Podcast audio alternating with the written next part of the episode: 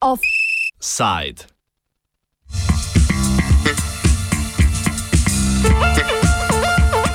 Sindikalno poročilo o delovni Evropi.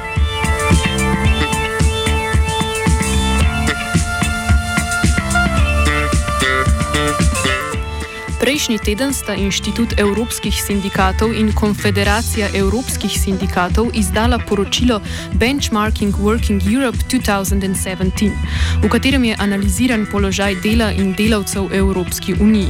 V njem med drugim analizirajo zasebno domačo porabo, uvoz in izvoz dobrin, realne plače, zaposlenost različnih skupin ljudi, sindikalno zastopanje delavcev.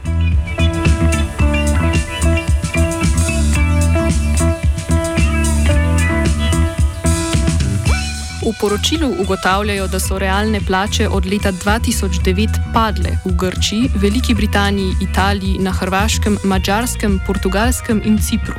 Samo Nemčija, Poljska in Bolgarija so med letoma 2009 in 2016 beležile večjo rast realnih plač kot med letoma 2001 in 2008.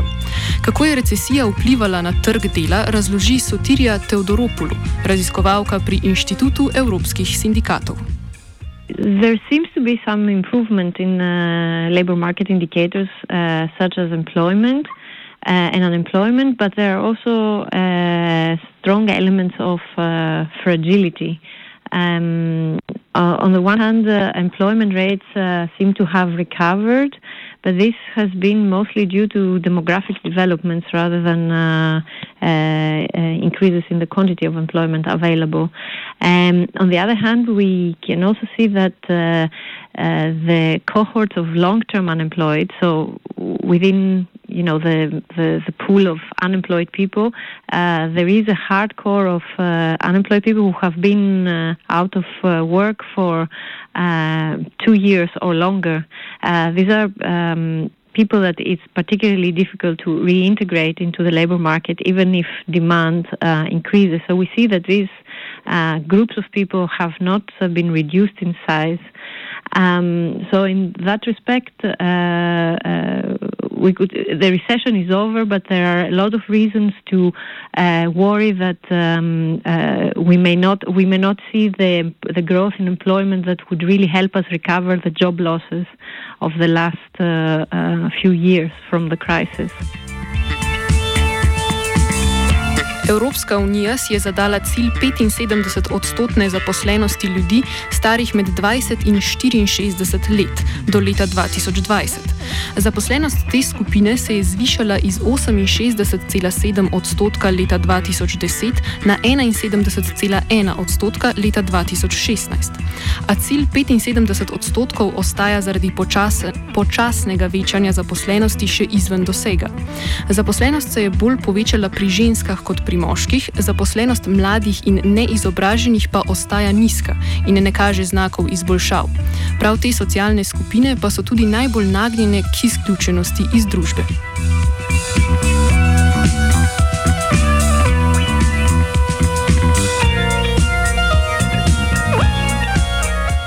The low skilled have been uh, uh, particularly affected, but then uh, if we look into, for example, uh, in work risk of poverty rate, so uh, the so called working poor, uh, we see that people who are um, self employed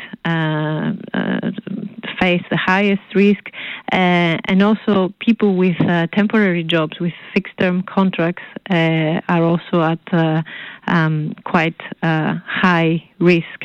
Um, and uh, these people, especially on fixed term contracts, on contracts that are not permanent, are also likely to be the first ones that you know will be fired, that will lose their jobs.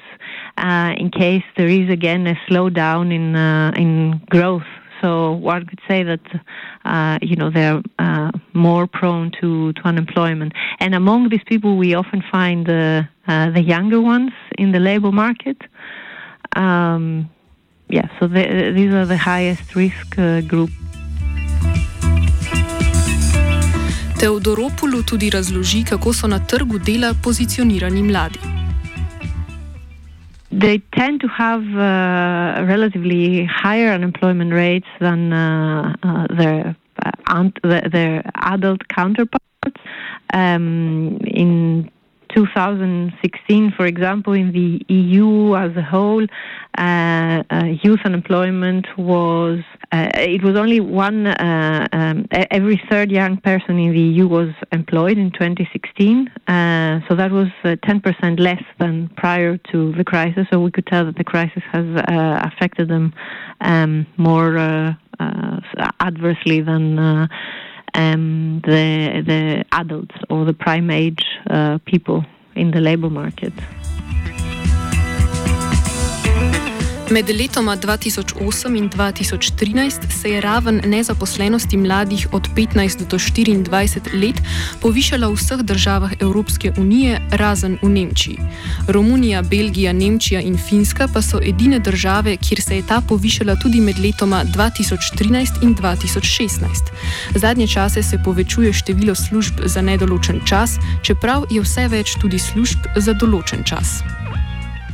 It seems that uh, uh, yes, they are returning to an extent, but uh, actually the rate of uh, job creation of uh, uh, fixed-term contract jobs has been higher than prior to the crisis.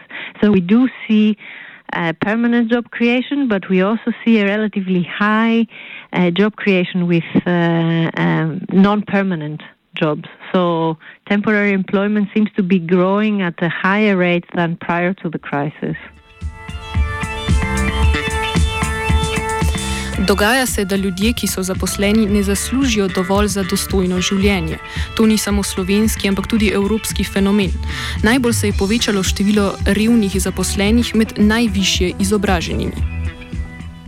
Well, in uh, in the EU, on average, uh, in work poverty, so that is uh, people who had been employed uh, in, for at least uh, six months in the year where we measure in-work poverty, uh, even though even if they're not unemployed at the moment where the survey is taking place.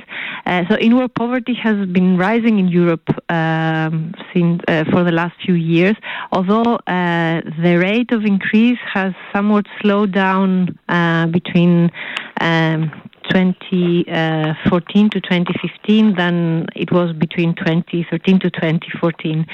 Um, uh, so there is an increasing rate, which of course uh, varies uh, according to if we look into more specific uh, activity status, because uh, you know someone uh, we could look whether someone was employed or not, but then there are people who were employees or uh, people that were self-employed. Self-employed um, have a much higher risk of poverty, as I told you earlier. There are employees with temporary jobs or with permanent jobs. They also seem to be uh, to have higher risk of poverty. There are more or less skilled uh, um, uh, people who who work, uh, and the less skilled, the higher this risk of in-work poverty is. But what I think is quite remarkable is that um, between 2010 and 2015, the by far largest uh, increase in this risk of in-work poverty uh, that is uh, working and living in a household that is, has very low income has increased the most for those people who have uh, higher education degrees, for the most uh, skilled people, that is. Um, and this is remarkable because uh, uh, you know, at the at the core of uh, the EU strategy against social exclusion and poverty has been the acquisition of skills. So basically, they have been uh, policies in the EU have been encouraging people to educate themselves more. Uh, and this increase in in-work uh, poverty shows us that uh, the developments in the labor market and social policies in the last few years have been uh, resulting in a weakened effect of education, of acquiring more skills to avoiding this uh, risk of being a working poor person. Dohodkovna neenakost se je v državah članicah Evropske unije med letoma 2008 in 2015 povečala. Tudi v Sloveniji, a jo ta uspešno izravnava s socialnimi transferji. If we take uh, uh, an indicator such as uh, that, shows income inequality across uh, uh, household, if we if we look at, into income uh, dispersion, yes, we see some increase in, in inequality in, by 2015 since the beginning of the crisis. Uh, of course, there have been differences uh, across uh, member states. Um, in uh, the biggest increases have been uh, uh, in countries that were most hit by the crisis, although not all of them. So, for example, Greece, Portugal. Um, Slovenia also had uh, um, uh, quite uh, an increase, but there are also um, what we see is also um, a lot of uh, difference in the extent to which social transfers, so social benefits, the, the welfare states manages to um, to cushion, to to absorb, uh, uh, to, to, to reduce income dispersion, differences in uh, incomes across uh, member states. Um, Slovenia, uh, in fact, uh, has been uh, doing quite well. Has been, uh, in, in other words, its um, uh, social benefits have been uh, reducing in- income dispersion to an extent that is above average in the EU 28 and the euro area. Kriza je znatno spremenila dinamiko rasti realnih plač. V Sloveniji so se te med letoma 2001 in 2008 povečale za slabih 2,5 odstotka, med letoma 2009 in 2016 pa samo še za okoli nič cela 2 odstotka. There has been, uh, well, the, the developments have been quite uh, variable. So if we look at the EU 28 uh, as a whole, um, the, the, the, average year growth between 2009 and 2016 compared to the average, average yearly growth between 2001 and 2008 um, has been close to zero. I mean, it has been slightly positive in the latest period, but very, very uh, small. Uh, but then, if one looks into different countries, we see a lot of uh, uh differences. Um, Slovenia has been one of the places where uh, uh, average yearly uh, wage growth has uh, has been reduced quite substantially uh, between the two periods, 2001 to 2008, and 2009 and 2016.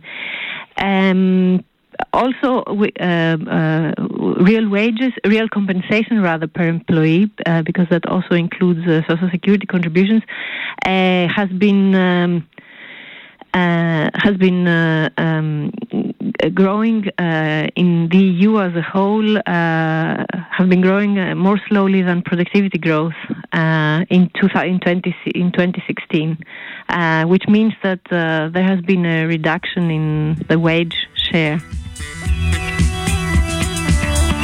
V Sloveniji se je zasebna poraba med letoma 2001 in 2007 povečala za okoli 2,5 odstotka, med letoma 2008 in 2016 pa skoraj ni bilo povečanja.